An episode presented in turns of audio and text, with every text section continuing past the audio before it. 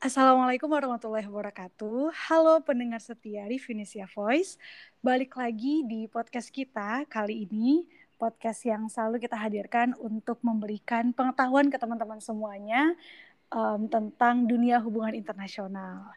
Nah, teman-teman, kali ini di Venesia Voice hadir lagi ke hadapan kalian untuk uh, sharing-sharing ke kalian di sesi sharing kali ini. Kita bakal sharing sesuatu yang lagi um, lumayan rame nih di kalangan anak hubungan internasional. Karena saat ini tuh lagi ada pembukaan atau lagi pada tahap seleksi CPNS Kementerian Luar Negeri Republik Indonesia. Nah, oleh karena itu teman-teman, Rivinesia kali ini akan menghadirkan salah satu narasumber yang um, merupakan seorang diplomat di Kementerian Luar Negeri.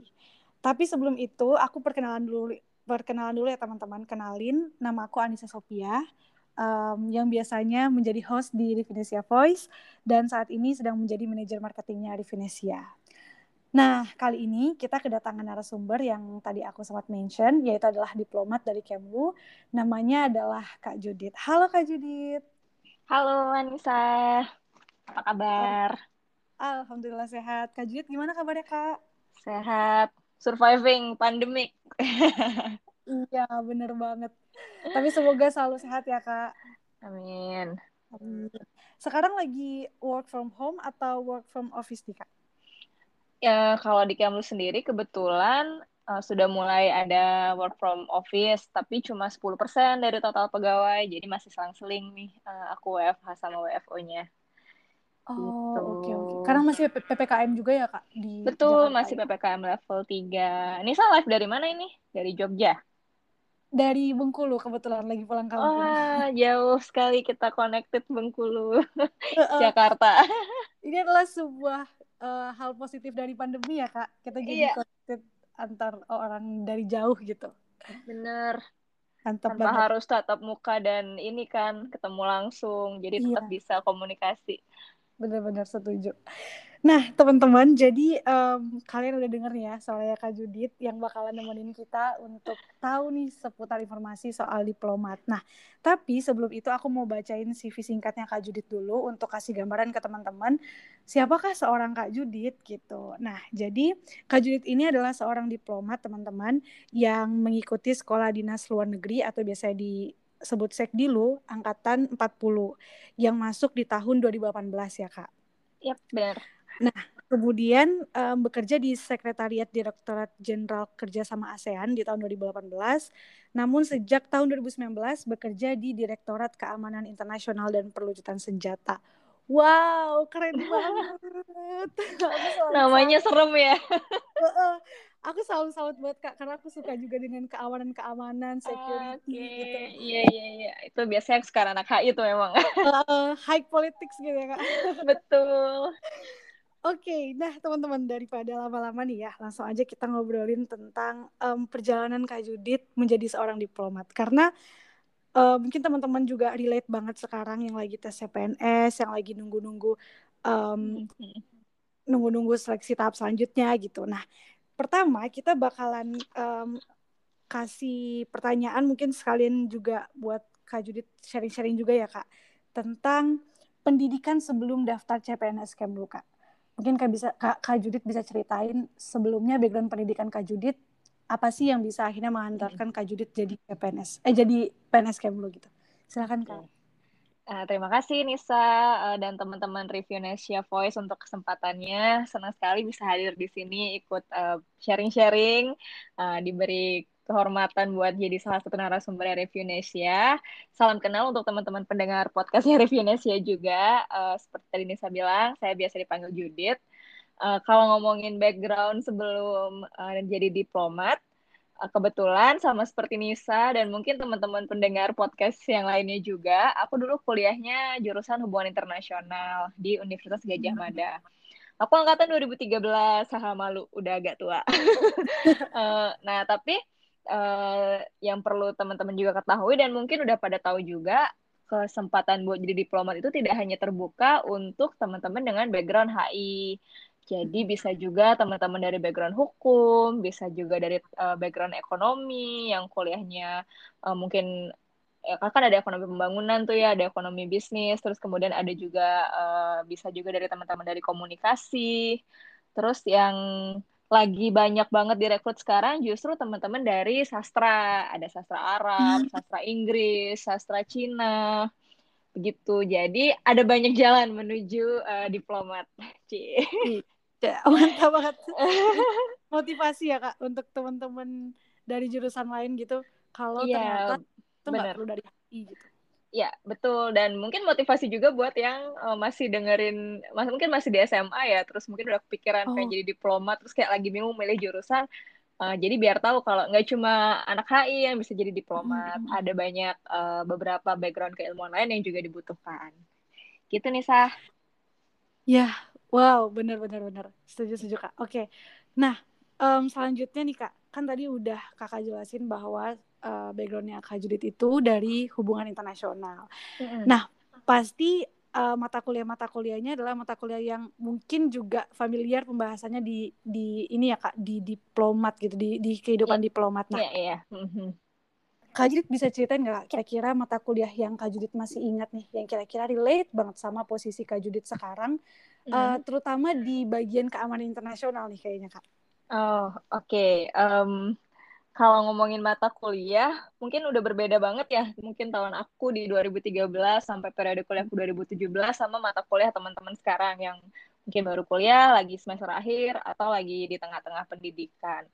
Um, Sebenarnya kalau ditanya apakah ada sesuatu uh, satu mata kuliah khusus yang ter ini banget, aku rasa sama ya. Karena mungkin ini hmm. juga salah satu keuntungannya kuliah HI, kita kan menerima banyak banget uh, matkul ya. Itu tuh yang mengajarkan kita semua tuh kita tuh diajarnya buat melihat suatu fenomena itu dari berbagai perspektif gitu loh Nisa.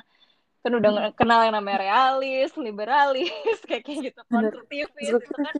Nah, walaupun dalam pekerjaan itu enggak langsung perse kayak oke okay, ini sekarang ngerjain ini aku mau negosiasi ini pakai pendekatan realis gitu. Walaupun nggak seperti itu uh, tahapannya tapi dengan berbagai sudut pandang tersebut kita uh, aku sih merasa kuliah HI memperkaya bagaimana cara pandang kita terhadap suatu fenomena ya gitu. Hmm. Nah kalau sebenarnya mata kuliah aku rasa sama aja um, bagaimana ininya kan kita dulu pernah belajar pengantar ilmu politik, uh, terus ada ilmu sosial dasar gitu-gitu misalnya kan yang terus ada pengantar ilmu HI juga aku yakin teman-teman semua yang kuliah HI pasti dapat uh, pengantar hukum internasional. Mungkin ketika itu nanti teman-teman sudah berhasil lolos dulu, itu akan diulang lagi kok. Jadi nggak usah khawatir untuk teman-teman yang mungkin dari background non HI atau non hubungan internasional karena ibaratnya kita ditempa dengan uh, ini yang sama lagi, diberi pengetahuan yang sama lagi, pemahaman yang sama lagi gitu. Tapi kalau aku pribadi yang aku sangat terbayang nih kelasnya sampai sekarang uh, itu tuh pengantar studi perdamaian. Aku nggak tahu apakah di uh, ini ada atau aku nggak kebayang karena itu sangat relate ke direktoratku ya bukan bukan karena aku mengerjakan itu juga sih tapi lebih ke uh, bagaimana kita kan dulu diajarin tuh ada beragam jenis perdamaian ada yang namanya positif peace ada yang namanya negatif peace. Terus uh, tahap-tahap perdamaian itu tuh um, ada yang namanya peacemaking, ada yang namanya peace building. Nah, itu tuh somehow setiap aku ngeliat atau ngebaca ada info update tentang konflik gitu tuh kayak kebayang aja tuh waktu kelas itu tuh. Oh gitu masa-masa peacemaking ya. Oh ini lagi peace building ya namanya gini-gini gitu. Mantap, seru banget ya. Mata kuliah yang kita, yang kita dapetin di HI itu ketika kita melihat sebuah fenomena atau bahkan kita anak HI yang baru ngebaca yeah. oh ada berita apa nih hari ini? Itu udah konsep-konsep ini udah ada di dalam kepala gitu ya iya yeah, kayaknya rasa langsung kebayang dan bisa nebak gitu. Oh yang kayak gini kerja sama begitu begitu ya.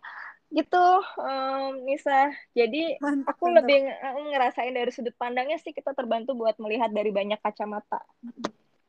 Benar-benar setuju kak. Oke okay. nah kita udah ngomongin soal akademiknya ya kak, soal mm-hmm. akademik HI. Terus mm-hmm. tentunya kan kak, kalau aku ngelihat nih tahap-tahap seleksi mm-hmm. itu kan tahap-tahapnya lumayan banyak dan ada bahasa Inggris, kemudian ada tes wawancara ya. juga. Benar. Dan hal itu pasti perlu ada persiapan gitu. Nah, kalau kak Judit uh, sendiri kak selama perkuliahan itu, uh-huh. ada nggak sih kak kegiatan-kegiatan yang kakak lakuin atau misalnya uh, organisasi atau atau kegiatan hmm. kemahasiswaan lainnya yang kira-kira itu tuh ternyata ngebantu banget loh pas aku seleksi Kemlu kemarin gitu. Hmm, oke, okay. berarti non akademis ya. Mm-mm. Kalau aku boleh jujur, sebenarnya menurut aku kegiatan non akademis mungkin lebih membantu uh, persiapanku secara untuk mas walaupun I have to be honest kalau aku waktu kuliah nggak kepikiran nih buat jadi diplomat gitu. Jadi iya. ikut ikut tesnya juga oh, oke okay, lagi seleksi CPNS boleh deh kita coba gitu kan. Nah um, kenapa aku bilang begitu? Karena di luar akademis akademik dan substansi persiapan mental itu yang kayaknya lebih dibutuhkan gitu. Nah dan aku ngerasa itu lebih banyak didapat dengan kegiatan-kegiatan di luar kegiatan perkuliahan kita uh, aku aku secara akademis sebenarnya juga nggak terlalu maksudnya ada banyak yang lebih pintar daripada aku tapi mungkin I, I wasn't at the bottom of the class juga gitu.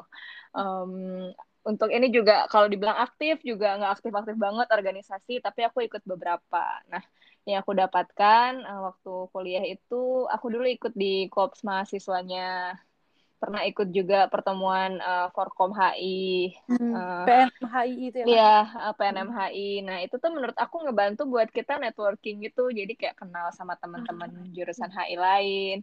Apalagi kalau sekarang kan kayak pada saling sering bikin kegiatan tuh. Jadi kayak banyak teman sharingnya aja gitu. Jadi menambah koneksi, menambah jejaring kayak gitu. Uh, aku juga sempat magang dulu. Walaupun aku magangnya nggak di Kemlu, aku magangnya di Interpol di hmm. yang uh, di uh, Interpol Indonesia di Polri at least itu mengasih aku bayangan oh seperti ini ya pekerjaan di sektor pemerintahan gitu hmm.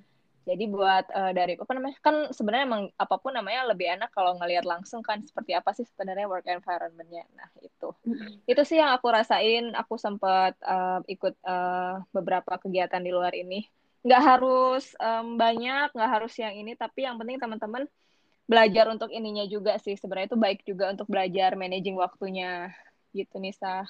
Oke, okay. nah nanti ada tuh kak pertanyaan time management tuh. Ah, oke. okay.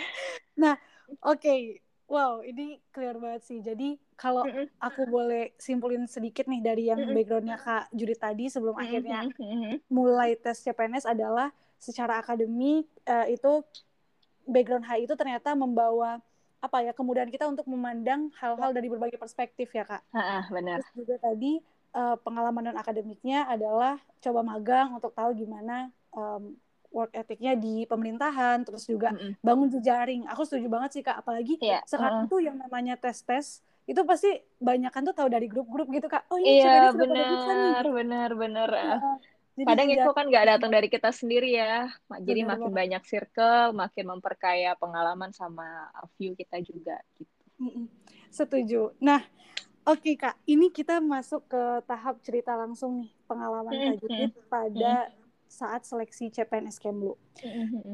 Tapi sebelum itu Kak mungkin banyak teman-teman yang masih um, masih belum tahu kira-kira tahap seleksinya itu ada apa aja sih Kak dari awal sampai akhir pengumuman itu. Oke, okay. um, berarti uh, alur tahap uh, seleksinya ya. Nah, aku mau jujur ke teman-teman kalau menurut aku ya, karena aku juga nggak nggak ngecekin uh, seleksi kementerian lain, tapi berdasarkan cerita teman-temanku, juga berdasarkan aku lihat dan dengar uh, dari orang-orang, kayaknya tes Kemlu ini yang paling panjang seleksi. Jadi tahapnya lumayan banyak. Iya makanya harus dipersiapkan gitu. Um, pertama yang umum kan administrasi. Kayaknya lagi udah pada selesai ya kemarin ya tahap administrasi udah pada pengumuman juga. Habis itu yang sedang berlangsung sekarang kan tes SKD ya uh, seleksi kompetisi dasar. Yang uh, paling bikin ketar-ketir ya jujur.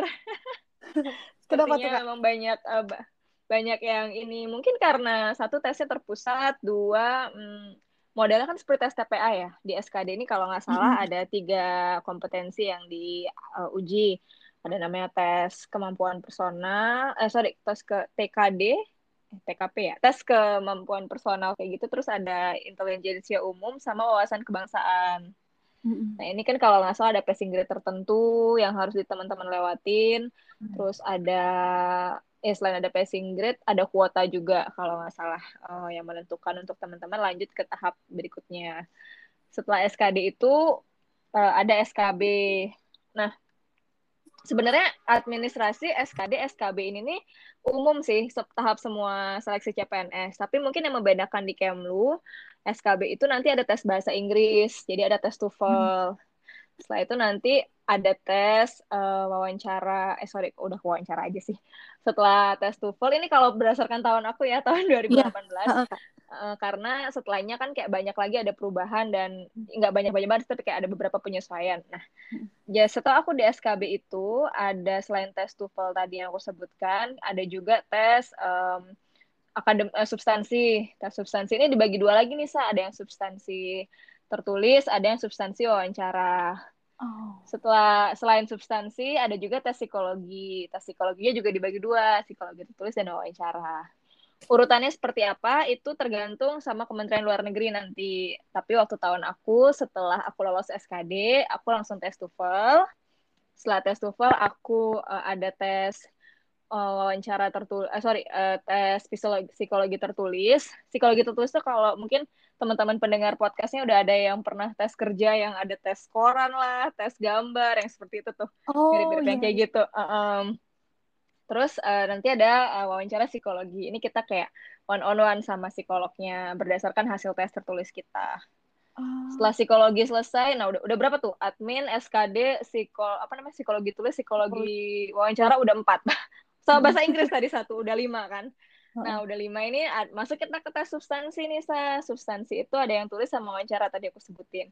Substansi tulis itu uh, ini lebih lebih ke pengetahuan kekemluan, bukan kekemluan ya, lebih ke pengetahuan internasionalnya.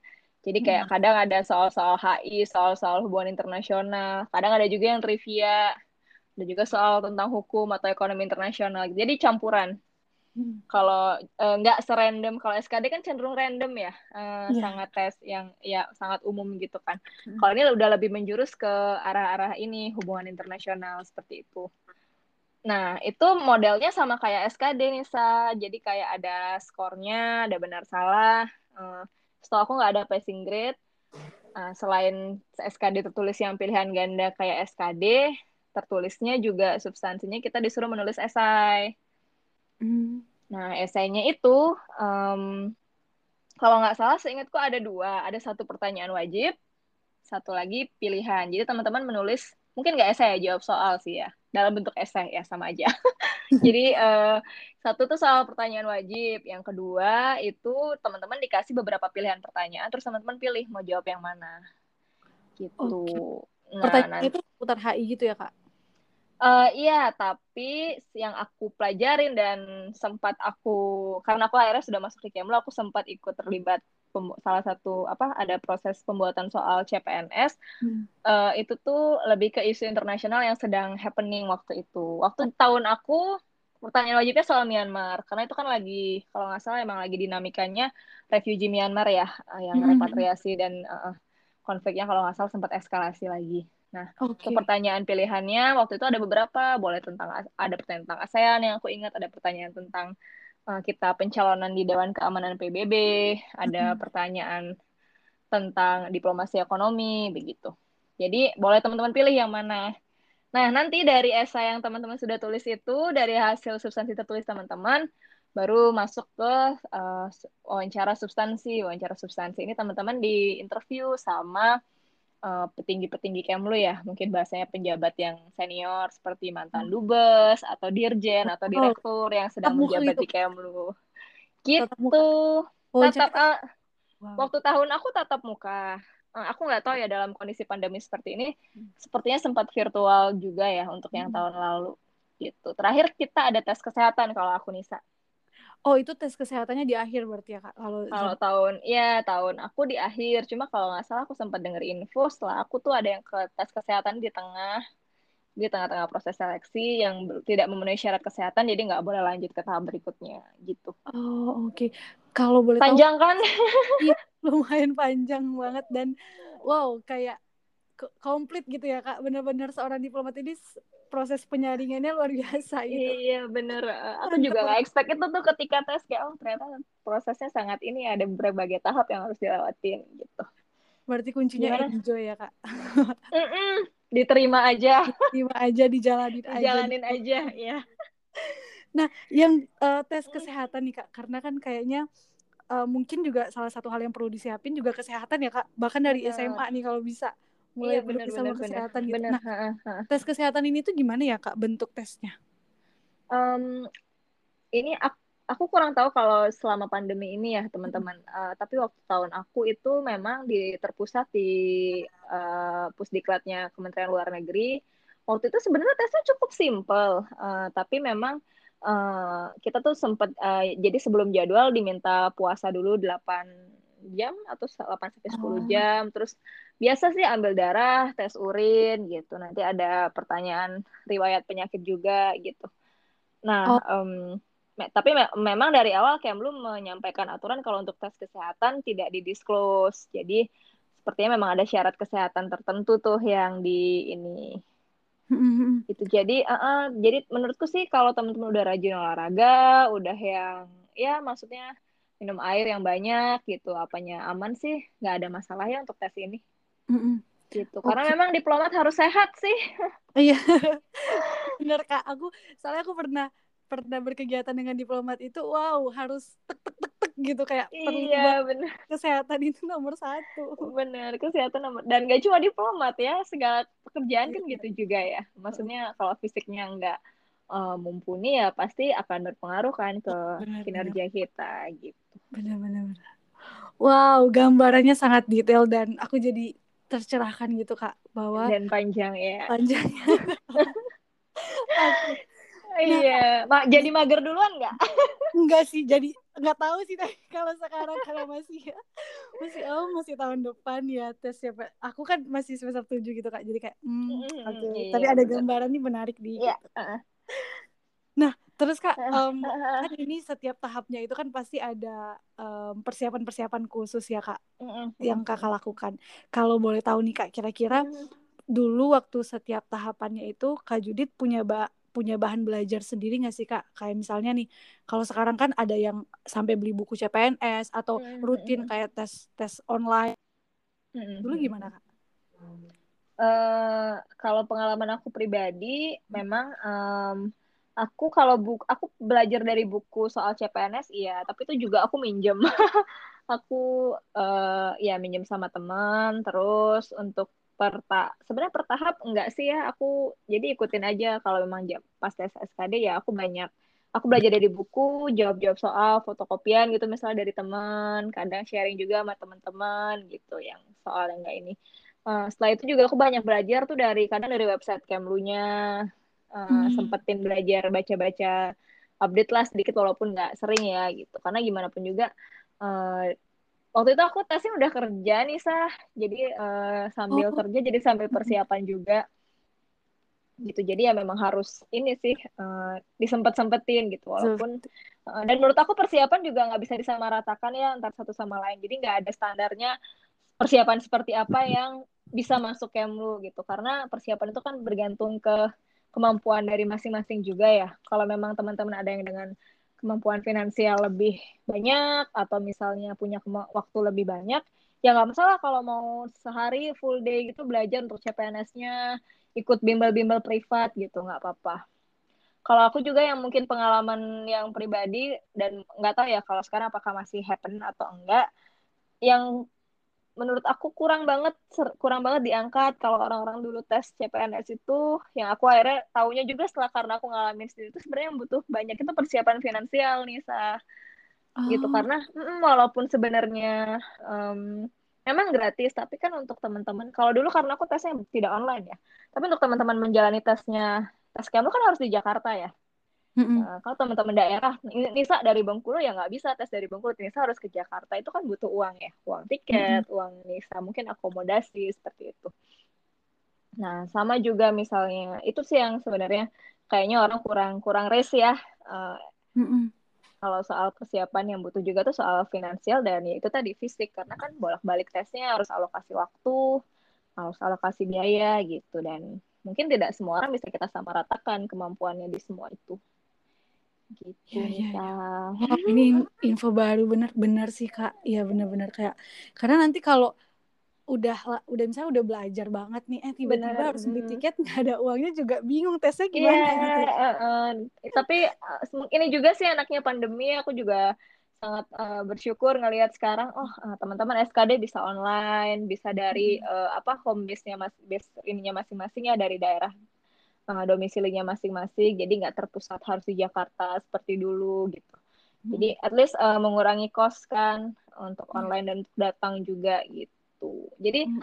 menurut aku peluangnya jadi lebih gede sih buat teman-teman, buat semua yang bisa ikut. Bahkan teman-teman dari luar negeri juga bisa ikut kan sekarang. Mm-mm. Beda sama dulu mungkin pasti agak sulit karena harus datang on the spot kan. Nah itu tuh. Iya. Wow. Gitu Nisa, Oh. iya.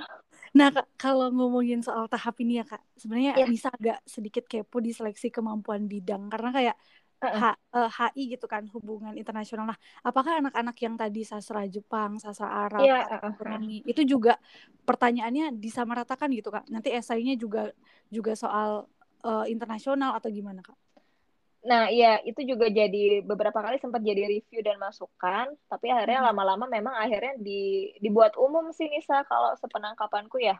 Eh, Hmm. Jadi walaupun se sebeda-bedanya background keilmuan teman-teman, pasti orang tahu kan. eh, sekarang nih misalnya lagi ada konflik di Afghanistan. Mm-mm. Nah, jadi dibuat seumum mungkin sih pertanyaannya Oh. gitu. Jadi memang kuncinya rajin update aja sih berita. Update Jadi nggak eh, kita nggak harus eh, berangkat dari belajar buku yang sama, diajar dosen yang sama, tidak harus berangkat dari ini yang sama, tapi eh, yang kita harus sama adalah soal apa yang sedang terjadi saat ini gitu. Update Benar-benar. tentang eh, what happened around us gitu. Karena in the end kan diplomat memang tugasnya yaitu mengetahui bagaimana perkembangan dan dinamika yang terjadi dalam hubungan internasional dan hubungan internasional sendiri kan startnya juga dari hubungan domestik kita ya Mm-mm. gitu. Oh, Oke, jadi kuncinya teman-teman update gitu ya, Kak. Rajin Iya rajin update, eh, eh, jangan kudet. dan sekarang update kan gampang banget ya nggak harus punya Benar. TV, eh, eh, ada segampang-gampangnya lain today deh kalau se ini ininya ya, Iya, Kak. Dan semager-magernya buka berita kan. eh, eh, dan sekarang orang juga today buka.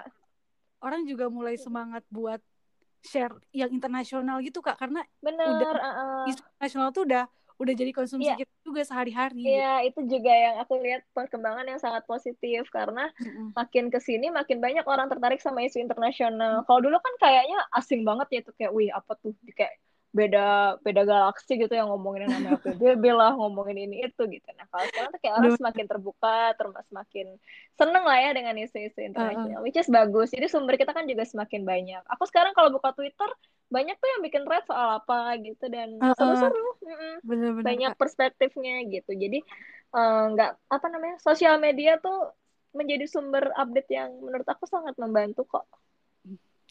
Betul betul.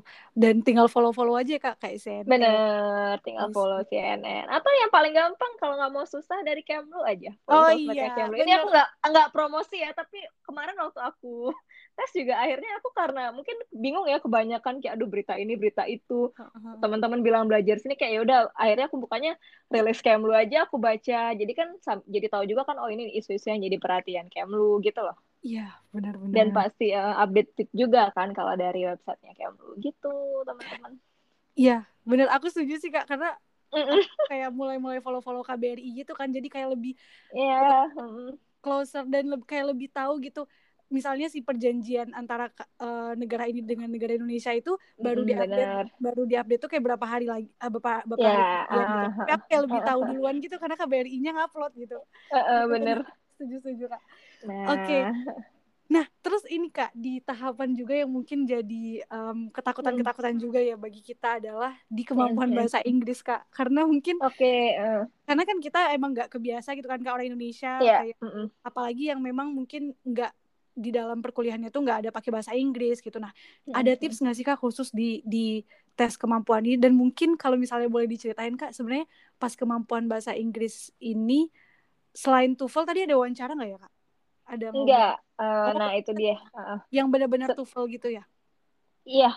Jadi waktu sebenarnya tes kemampuan bahasa Inggris itu tidak perlu ditakutkan teman-teman. Karena ini kalau teman-teman udah pernah ikut tes TOEFL atau IELTS, simulation aja itu udah cukup membantu kok menurut aku. Cuma memang kan kalau yang sekarang itu tahapannya kalau nggak salah teman-teman harus submit sertifikat TOEFL dulu ya di proses oh.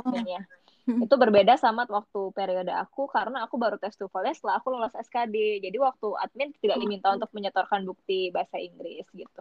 Uh, standarnya itu TOEFL-nya 550 dan ya udah kalau itu teman-teman PES otomatis PES gitu dan saya sepengalaman aku juga kebanyakan memang semua ini tuh dalam bahasa Indonesia uh, awal-awal mungkin aku sempat ngira ya sama ya mungkin karena seperti teman-teman juga kayak duh ini kayak lu pasti tesnya bahasa Inggris dan bla bla bla gitu jadi kayak begitu bahasa Indonesia agak surprise juga oh ternyata semua dalam bahasa Indonesia ya tapi akhirnya setelah aku bekerja di sini mungkin aku baru memahami juga bagaimanapun yang namanya politik luar negeri itu kan konstituennya konstituen utama kita kan masyarakat Indonesia ya. Jadi hmm. apa-apa memang harus ya kita menulisnya dalam ke, dalam kerangka publik kita gitu loh. Jadi ya apa-apa ya sesuai dengan bahasa Indonesia, kepentingan nasional, termasuk delivernya kan kita menyampaikan semua hal update itu kan ujungnya dengan bahasa Indonesia ya yeah. ke teman-teman ke semua stakeholder kita di dalam negeri ya baik masyarakat, mm -hmm. pemerintah lain, KL lain, kementerian lain seperti itu. Nah itu kenapa mungkin bahasa Inggris itu tes bahasa itu tidak menunjukkan uh, tingkat kemampuan atau kecerdasan teman-teman kok. Menurut aku itu uh, in additionnya aja. Mm-hmm. Gitu. Okay. It is important tapi uh, not at the, bukan yang paling ini paling mm. menentukan. Karena bahasa, bahasa kan selalu bisa dipelajari ya konsepnya ya. Hmm. Benar kak. Apalagi kalau semakin sering kita mendengar kosakata itu jadi auto keingetan. Benar, ya. Gitu. Okay. Aku juga dulu TOEFL-nya tipis kok, jadi nggak usah ini teman-teman nggak usah berkecil hati nggak usah minder duluan aku dulu tuh follow juga di aku ingat kok seleksi kayaknya lima enam puluhan kali ya jadi kayak ya udah lolos juga gitu uh -uh. jadi semasa teman-teman melewati batas yang diminta menurut aku aman. Oke. Okay. wow ini hmm. motivasi yang luar biasa ya teman-teman. Thinking soal bahasa Inggris. Nah kalau tes esai sama wawancara kak itu berarti murni bahasa Indonesia kak? Waktu tahun aku iya ya dan seingat aku juga selasanya murni bahasa Indonesia. Mungkin beberapa kali uh, mungkin ada yang sempat bahasa Inggris tapi itu nggak standar gitu loh nis. Jadi kayak memang dikasih tahu bahasa Indonesia di apa wawancara kan dasarnya bahasa Inggris nggak gitu. Lebih ke mungkin uh, terserah wawancaranya diskresi hmm. interviewernya mau seperti apa. Aku awal emang sempat bahasa Inggrisnya itu waktu perkenalan sama oh. ceritain esaiku dikit. Tapi setelah itu kayak fullnya bahasa Indonesia. Oh oke. Okay. Tuh, jadi which which yang menurut aku bakal bisa lah teman-teman semua. Soalnya menurut aku kan sekarang teman-teman kita lebih lebih lebih jago lah ya bahasa Inggrisnya kuliah apa apa udah bahasa Inggris full kan mm-hmm. kelas internasional dan segalanya gitu bisa yeah, yeah. bisa bisa teman-teman bisa, bisa. Yuk, bisa yuk daftar dulu benar yang penting itu daftar dulu nanti soal gimana itu pasti akan uh, uh, go with the flow kok. Mantap, bener-bener kak. Nah, um, untuk ini pertanyaan terakhir untuk tahapan-tahapannya kak. Pertanyaannya itu adalah soal wawancara ini. Kan kita kayak ceritanya Kak Judi tadi kita bakalan ngobrol sama petinggi-petingginya Kemlu, mantan dubes gitu kan. Itu yeah, kan yeah. ngeliatnya tuh udah waduh gimana nih uh, uh, uh, uh. ngomong terus kira-kira tips gak sih kak gimana nanti tetap tetap bisa jadi diri kita sendiri pas jawab gitu kan tetap enjoy gitu gimana kak uh, tips wawancara jujur ini kalau aku aku baru tahu ini juga baru belakangan ini ya mungkin hmm. beberapa jadi tidak aku terapkan ketika wawancara sih tapi makin ke sini makin melihat gambaran seleksinya yang perlu kita tekan itu ya wawancara itu juga uh, manusia jadi hmm. ini tuh mereka mereka di sana bukan untuk menjatuhkan kita tapi mereka ingin tahu gimana sih background kita gitu loh Hmm. Jadi jadi ya udah dengan dengan asumsi seperti itu ya teman-teman jadi harus bisa ngeliat kita tuh sepadan. Mereka min jadi baratnya lihat aja kayak pewawancara itu butuh makanan dari kita, makanan soal hmm. apa aja sih yang uh, personality kita, kita yang memberi asupannya gitu. Jadi itu dua arah gitu. Jadi hmm. dengan aku se sejak berpikir seperti itu ya kayak uh, selalu lebih rileks sih dalam uh, wawancara ya.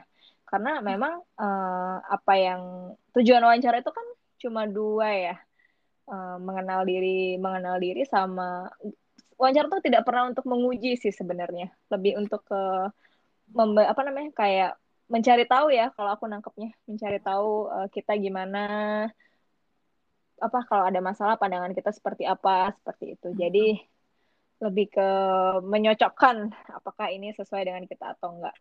Benar uh, memang dengan penjabat-penjabat senior Kemlu ya. Um, tapi kan again uh, kalau aku sendiri sih waktu itu tidak ini karena ya udah aku tidak tahu siapa mereka gitu. Uh, aku tahu mereka orang Kemlu uh. tapi ya aku tidak tahu seberapa ini mereka. Jadi itu lebih gampang buat aku menganggap oke okay, ya udah ini mereka senior di Kemlu lebih tua aja lebih lebih berpengalaman lebih ini. Mereka nggak tahu apa-apa soal aku. Jadi aku yang harus memperkenalkan diri ke mereka gitu Mem sebisa mungkin aku yang meng ini apa namanya mengprovide apa yang mereka butuhkan ke ini gitu dan hmm. mereka juga selalu fun kok mereka juga nanya ya santai nggak yang galak atau memojokkan gitu hmm. jadi sebenarnya uh, dan itu apa namanya dan pertanyaannya kan juga berpatokan sama esai yang teman-teman buat ya kalau hmm. teman-teman udah yakin dengan esai yang kalian tulis kerangka berpikir kalian sudah mantap atau misalnya apa yang teman-teman itu tuh sudah teman-teman yakin benar bisa itu ya udah dijual aja dan aku rasa nggak akan ada masalah sih gitu. Tapi memang wawancara pasti paling nervous karena akhirnya one on one kan ngomong langsung kan. Selama ini kan kayak tes itu cuma ngelihat layar ngelihat apa dokumen kertas gitu kan. Jadi ya udah it's against ourselves aja gitu kan. Kita wawancara kan kayak ada ada orang yang seolah-olah tuh kita mikirnya aduh ini mereka nih yang nentuin gitu. Ya padahal nggak juga uh, wawancara memang tahap di akhir tapi itu lebih untuk meng, meng sum up kali ya apa yang teman-teman udah kerjakan gitu. Jadi nggak nggak nggak full faktor penentunya. Penentunya ya dari semua akumulasi itu. Akumulasi yeah. tes yang udah teman-teman jalanin gitu. Oke. okay. Wow, ini jadi makin ini ya teman-teman. Seharapannya sih aku berharap teman-teman yang dengar ini tuh makin relax, makin enjoy. Iya, yeah, relax, enjoy aja di makin... ini. Uh, sebenarnya kuncinya yaitu um, dan jujur sih kalau menurut aku ya juga jadi poin ini. Kalau yeah. memang misalnya suatu ini mungkin mungkin ada yang iseng terus kayak agak menjebak atau apa teman-teman nggak tahu ya bilang aja ya saya mohon maaf saya belum pemahaman saya belum sepenuhnya di sana. Saya akan coba cari lagi lebih dalam tapi sebatas pengetahuan saya gitu. Jadi it's okay to be honest kalau teman-teman nggak tahu teman-teman nggak paham dan teman-teman cuma tahu sebatas ini gitu. Mm-hmm. itu sih yang kayaknya uh, orang kurang ini ya. Kan setiap wawancara tuh rasanya kayak harus menjual harus gini mm-hmm. meyakinkan. Padahal kayak di luar itu semua yang menurut aku penting ya jujur sih. Bener bener bener kak. Mm-hmm. Wow, mantap. Nah, um, oke, okay. kita udah membahas nih teman-teman tahap-tahapnya satu persatu gitu ya. Terus dapat tips-tips juga dari Kak Judi. Terima kasih banyak Kakak. Makasih. Nah, terus semangat tadi nih yang mau lagi tes ya. Masih uh, panjang. Terus tadi sempat dimention nih sama Kak Judi soal time management karena karena iya ya Kak, karena saat ini kan juga mungkin terutama untuk um, mahasiswa-mahasiswa yang baru lulus nih. Kan ba begitu baru lulus eh ada pembukaan CPNS nih mau masuk gitu kan. Cuman uh, mungkin persiapannya punya waktunya dikit atau kayak okay, lagi uh, uh, uh, atau yeah, yeah. sama kerja gitu. Nah ada tips time managementnya gimana nggak kak? Um, mungkin kalau untuk soal persiapan waktu aku ngerasa aku tidak terlalu dalam porsi yang cukup ya untuk memberikan ini ke teman-teman tips atau apa. Karena memang aku sendiri jujur sangat singkat dan persiapannya tidak maksimal ya. Uh, jadi bukan nggak maksimal sih. Jadi tidak sekeras uh, teman-teman atau yang ini yang lain gitu. Um, pertama tapi kalau misalnya disumpulkan kalau emang lagi persiap teman-teman enaknya fokus ke what you cannot control first kayak misalnya what you cannot control tuh maksud aku yang di luar kendali teman-teman. Kayak misalnya TOEFL tuh. Kan sekarang kalau nggak salah kan tesnya perlu menyiapkan admin TOEFL apa menyetorkan hasil TOEFL. TOEFL kan bukan di bukan apa itu kan di luar kendali teman-teman ya. Bukan teman-teman yang ngadain tes bukan teman-teman yang bisa mengalir result. Jadi yang eh, elemen-elemen yang teman-teman nggak bisa kendalikan seperti itu tuh dipersiapkan duluan. Jadi nggak nggak terlalu apa namanya nggak mepet nggak buru-buru gitu loh Nah, perkara termasuk misalnya nanti minta-minta ke kampus ya legalisir lah, transkrip ini kalau dari soal admin ya. Mm-hmm. Yang kayak gitu. Jadi yang seperti itu tuh menurut aku duluan dikerjakan. Apa yang teman-teman, apa yang di luar uh, kendali teman-teman. Kalau sudah masuk ke tahap-tahap yang mungkin uh, wawancara atau apa, uh, nggak ada persiapan khusus sih kalau dari aku mungkin uh, gimana ya, lebih ke membagi waktunya. Kalau aku dulu kan memang karena sambil kerja Nah, aku kerjanya sekarang sih uh, kalau dulu kerjanya aku memang 9 to 5 ya, jadi memang malam aja tuh aku waktu belajarnya. Eh, nggak uh, harus ini nggak apa namanya kuncinya itu lebih ke konsistennya sih Nisa. Jadi kalau memang ini hmm. di komit aja setiap hari sempet baca. Nggak harus banyak, nggak harus nggak harus sekian jam, tapi kayak misalnya nyempetin aja sehari 30 hmm. menit aja jawab soal. Menurut aku tuh lumayan sih buat uh, ini refresh refresh otak. Terus paling penting juga keep kontak sama temen-temennya walau ini memang ini namanya kompetisi tapi mentang-mentang kompetisi ya jangan langsung ya udah sendiri apa-apa. Padahal kayak belajar bareng itu sangat membantu kok biasanya dulu. Kalau dulu ya aku temen aku dulu karena kendalanya tesnya dari Bali. Karena aku kan orang Bali aku kemarin pulang habis lulus langsung kerjanya di Bali. Ya udah kalau dulu teman-temanku yang pada di Jakarta yang pada ngumpul pada sering belajar, jawab-jawab soal, pada belajar bareng gitu. Karena walaupun kompetisi ya tetap aja kan tuh persiapannya nggak salah dong kalau kita saling ngebantu satu sama lain kan. Hmm. Mana ada soal yang nggak bisa dijawab, bisa jadi ngerti diajarin temennya gitu. Nah aku dulu sempet tuh aku sering kontak sama teman-teman apa aja sih yang harus diiniin gitu, disiapin kayak pas in, jadi saling share juga tukar info jangan jangan ngerasa itu tadi jangan individualis ngerasa kayak iya aku tes duluan aku nggak mau ntar dia lebih untung nih kalau aku kasih tahu soal tesnya apa itu gitu menurutku sih nggak masalah ya kalau misalnya aku kayak kemarin aku share kayak oh iya aku udah tes ini dapet soalnya gini gini gini susah ternyata di bagian ini gitu. Sharing itu penting sih menurut aku untuk uh, persiapan.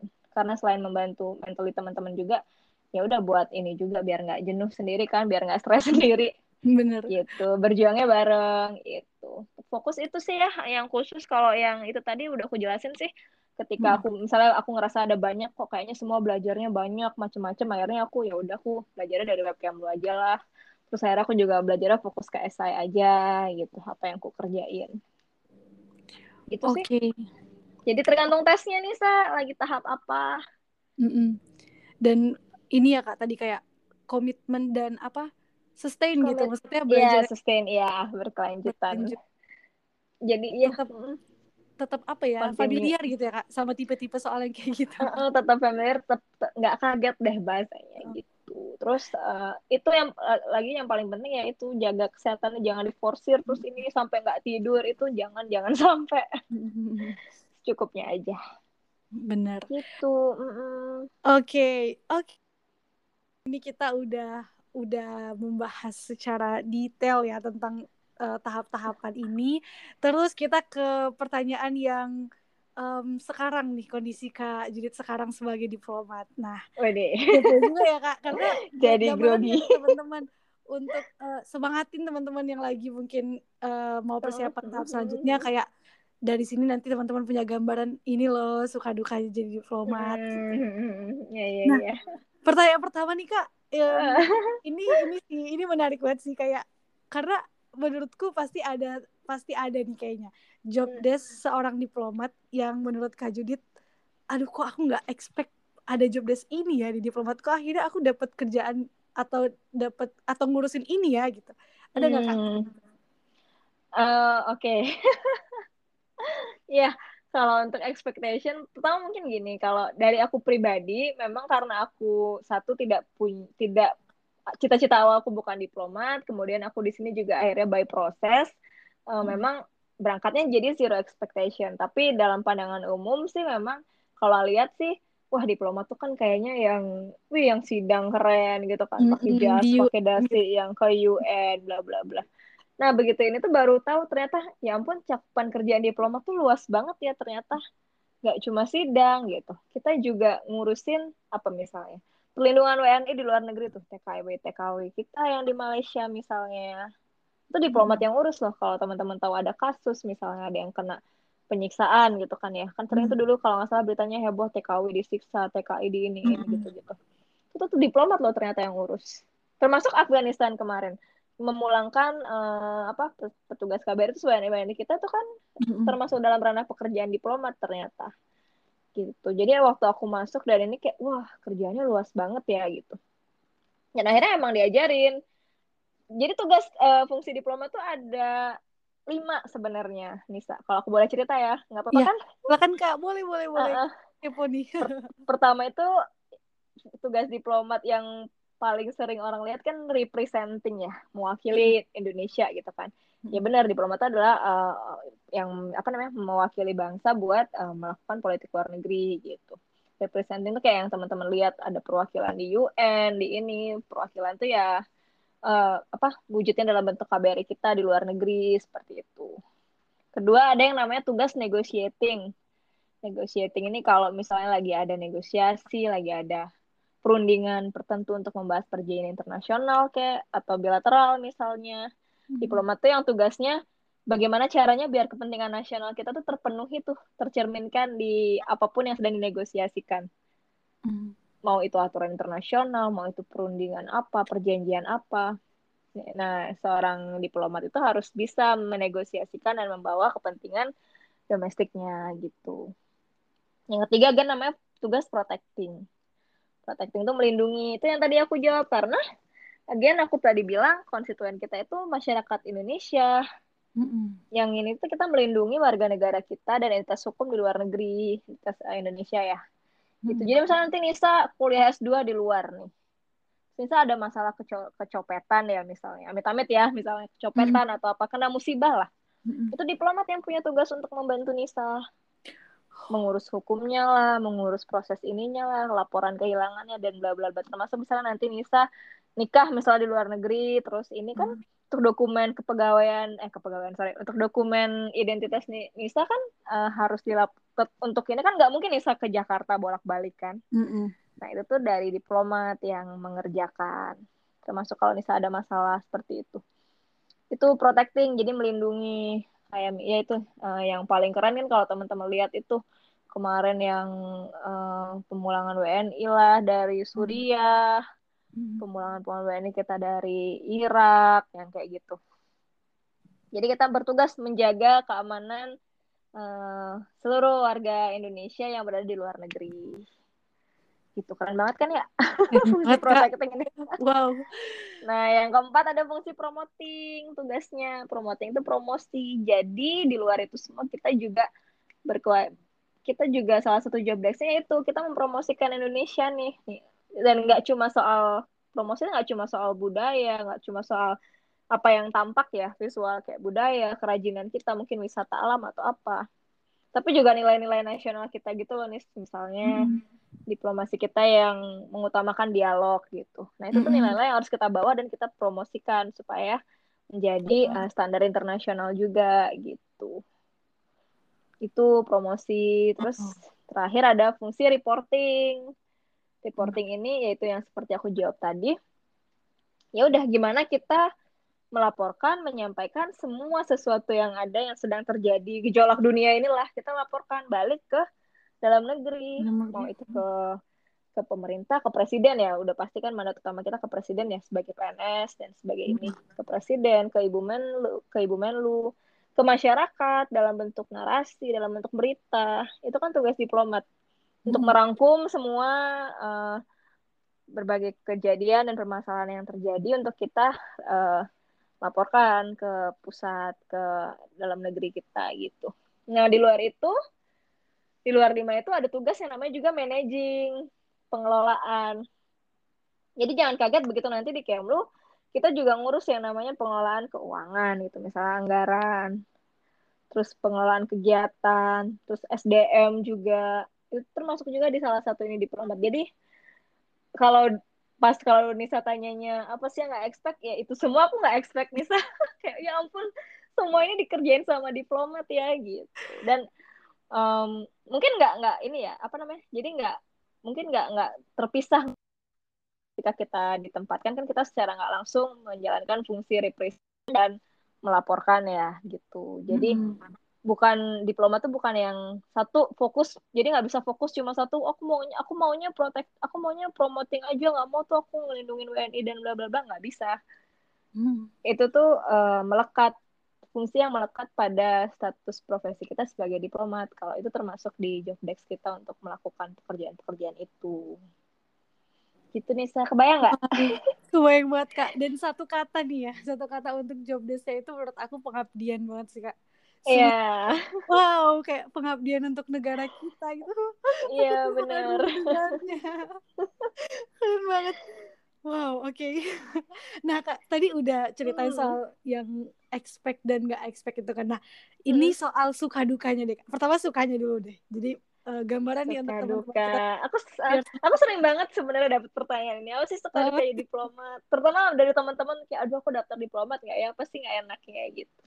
Aku selalu jujur nih kalau jawab ini. Pertama hmm. dari suka.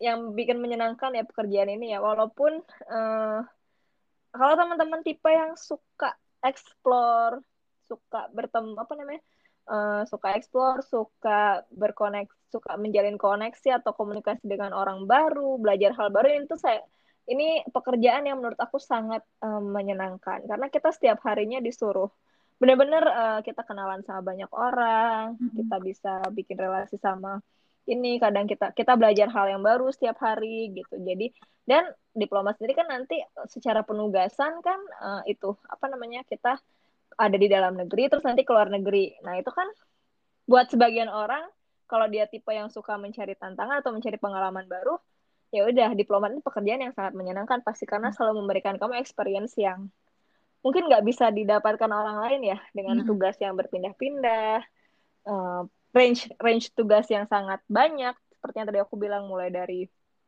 bahkan mulai dari ngurusin uh, ini kalau pakai bahasa UN ya uh, hmm.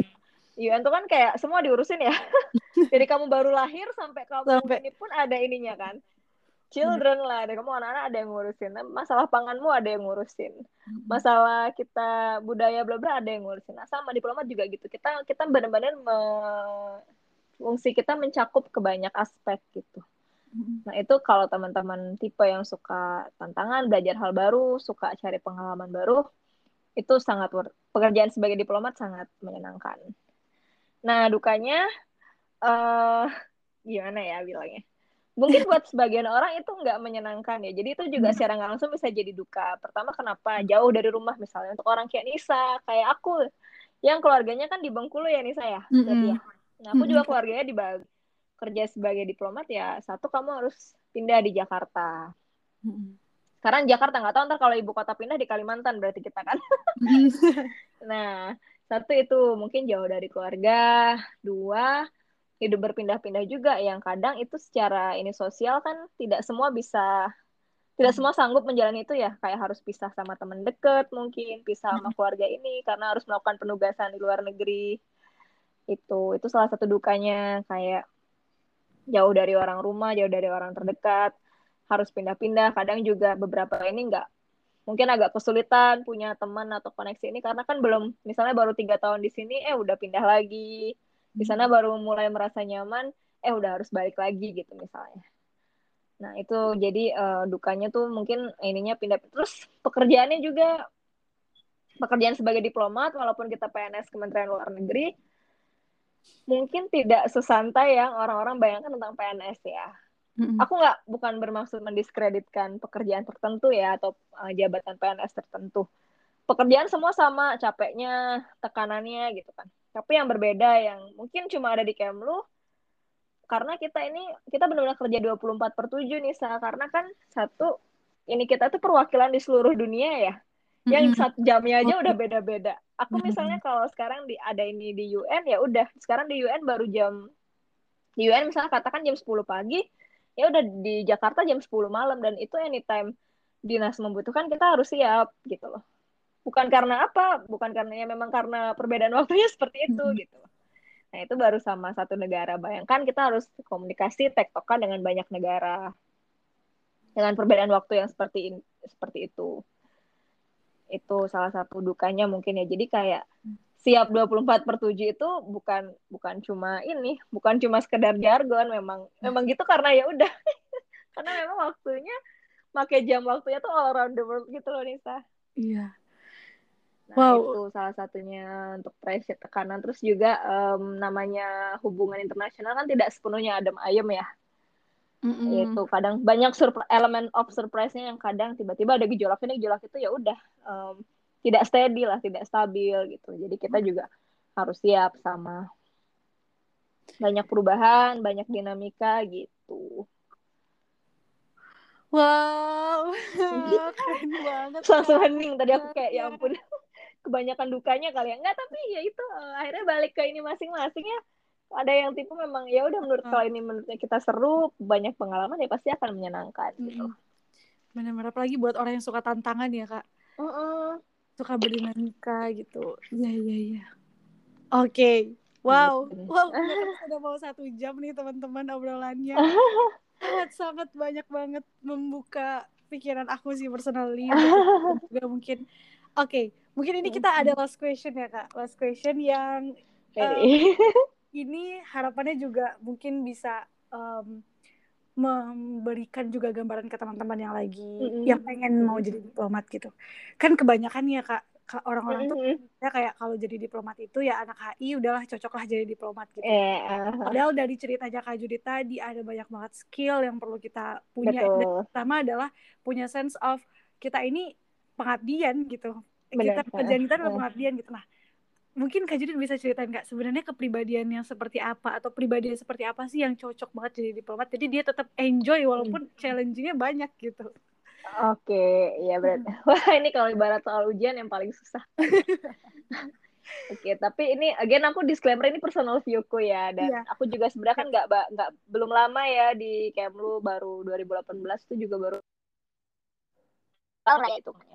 Uh, ya itu kalau ngomongin kepribadian pertama sebenarnya kata Nisa sebenarnya semua orang bisa jadi diplomat kalau lolos seleksinya itu kan dan dan itu sendiri udah dikasih tahu seleksinya tuh nggak cuma khusus di satu background nggak cuma nggak cuma khusus di nggak cuma dengan satu jenis tes gitu loh ada banyak tes yang harus kita lalui dan kayak semua orang punya kelebihannya masing-masing kan pasti di tes itu hmm. jadi nah tapi kalau misalnya ngomongin kepribadian yang tempat senior senior tempat aku belajar senior senior yang selama ini membimbing aku di kantor paling pertama banget itu aku ngerasa jadi diplomat tuh harus punya kemampuan adaptasi yang tinggi hmm. karena itu tadi satu soal penugasan aja nih kita kan harus pindah-pindah ya ke luar negeri lagi hmm. dalam negeri lagi itu kan selalu membutuhkan skill adaptasi ya hmm. sekarang oke okay, sekarang enak di Jakarta mungkin kita punya teman punya ini ada keluarga cuacanya enak, makanannya enak. Tapi one day ntar siapa tahu kita dapat penugasan di Afrika atau di Eropa. Kan beda ya. Mm-mm. Itu kan butuh adaptasi lain lagi. Nah, itu yang pertama. Itu baru dari segi penugasan nih. Tapi belum dari segi isu.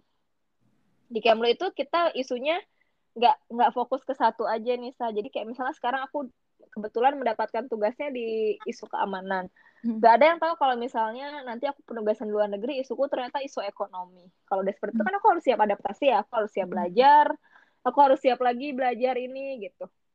Ini yang maksud aku akhirnya relate ke uh, karakter ini yang penting buat yang di nomor dua. Uh, jadi karakter yang never stop learning kalau bisa. Hmm.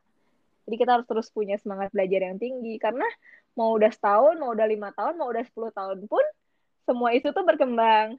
Perubahannya berbeda mengikuti banyak ada banyak dinamikanya dan kita harus belajar terus tuh soal itu gitu. Makanya kalau di Kemlu kan dibilangnya jack of all trades ya. Kita dituntut untuk mengetahui banyak hal belajar banyak hal terus eh, nggak uh, cuma terfokus di satu hal gitu. Nah itu tuh menurut aku butuh kemampuan belajar dan semangat belajar yang ini ya. Jadi karena kan kalau misalnya isunya misalnya Nisa tertarik sama isu keamanan tapi suatu hari Nisa dapat ininya kan Nisa nggak boleh menolak kalau ternyata hmm. Nisa ditempatkan di isu ASEAN misalnya hmm. mau nggak mau Nisa harus belajar karena itu kan hmm. kalau orang tanpa semangat belajar atau curiosity yang cukup ya pasti nggak akan enjoy ketika diminta untuk mengerjakan hal yang mungkin tidak tidak menjadi minat mereka atau tidak menjadi uh, forte mereka gitu hmm. itu nah terakhir sih menurut aku juga um, namanya itu tuh karena udah pasti melalui seleksi dan bla bla bla itu udah pasti kita kemampuan ininya ibaratnya udah yang terbaik dah ya dari semua yang daftar ya. Dipilih yang terbaik memenuhi standar memenuhi kompetensi tertentu. Jadi ibaratnya nggak ragu deh orang di Kemlu pasti pinter diplomat tuh pasti pinter gitu loh karena sudah melalui seleksi yang ini.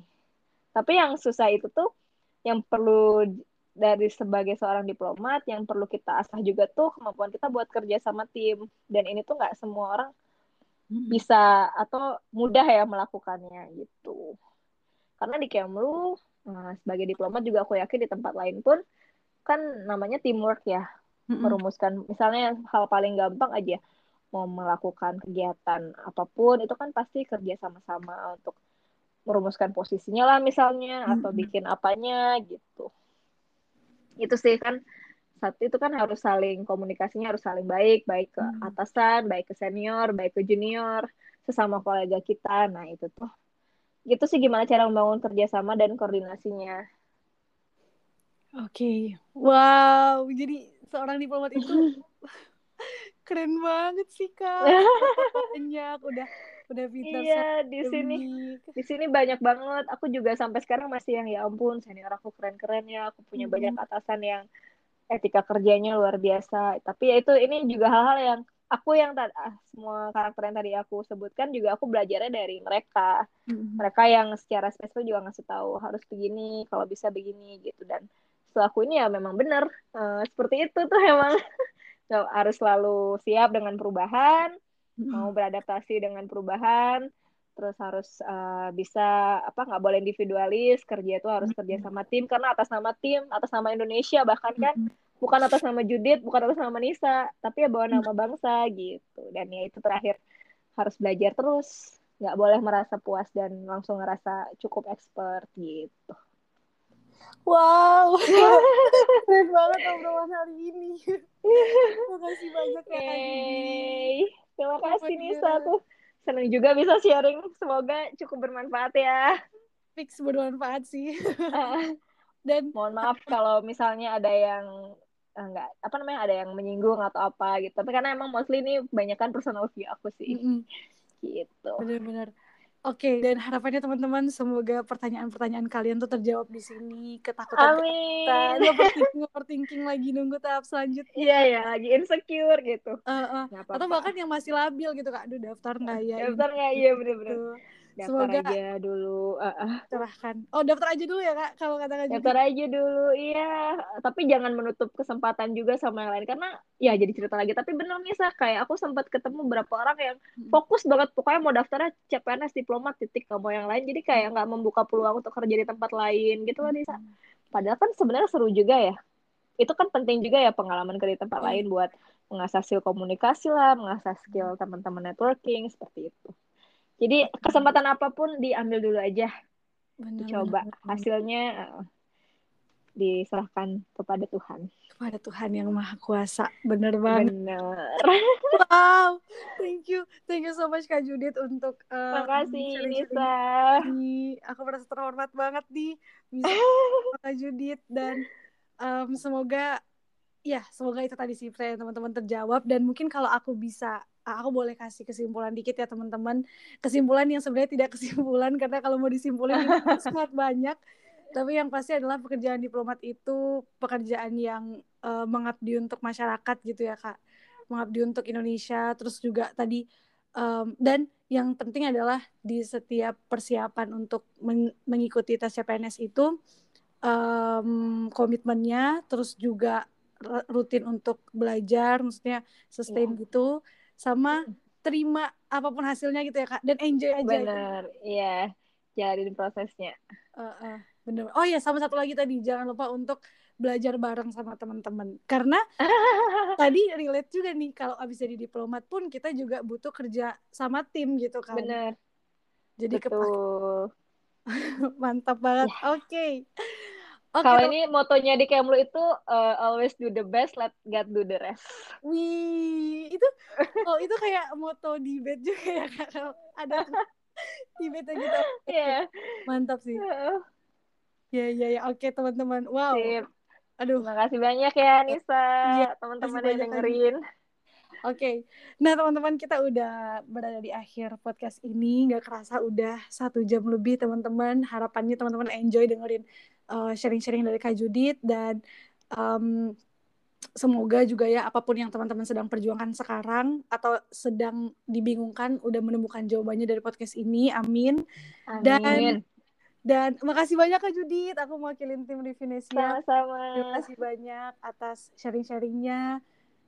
Dan um, oke, okay, mungkin Kak Judit kita closing statement kalau ada yang mau disampaikan terakhir Kak udah sih itu tadi uh, masuk closing statement ya Uh, tapi yang mengulangi Nisa lagi, benar intinya teman-teman terbuka aja sama semua kesempatan. Kalau sedang memperjuangkan sesuatu, lakukan semaksimal mungkin. Jangan uh, jangan selalu berpatokan sama orang lain. Fokus ke teman diri teman-teman, karena teman-teman yang paling tahu uh, seberapa batas kemampuan dan batas maksimal teman-teman. Gitu. Not ya teman-teman nih kalau abis dengerin ini bisa di share di story terus ajakin teman-temannya dengerin podcast ini. bisa. Oke. Okay. Makasih kesempatannya. Iya, oh iya Kak Judit mungkin bisa kasih tahu Instagramnya Kak untuk mungkin teman-teman kalau misalnya ada yang uh, mau lihat uh, mau ngobrol-ngobrol sama Kak Judit itu apakah boleh di sosial media gitu Kak? Oh iya boleh. Um, aku always reachable by email. Ada uh, di juditsasmitadewi atau outlook.com. Uh, kalau mau di sosmed ada linkin aku juga Judith Sasmita Dewi. Di Instagram juga kadang aku aktif tapi kadang kontennya receh maaf ya. Oh maka aku suka gitu. di Judith Sasmita Dewi juga gitu. Dan ya yeah, anytime teman-teman mau bertanya atau apa feel free to reach me. Bisa via Nisa juga kan Nisa ada kontakku. Iya. Gitu. Oke. okay.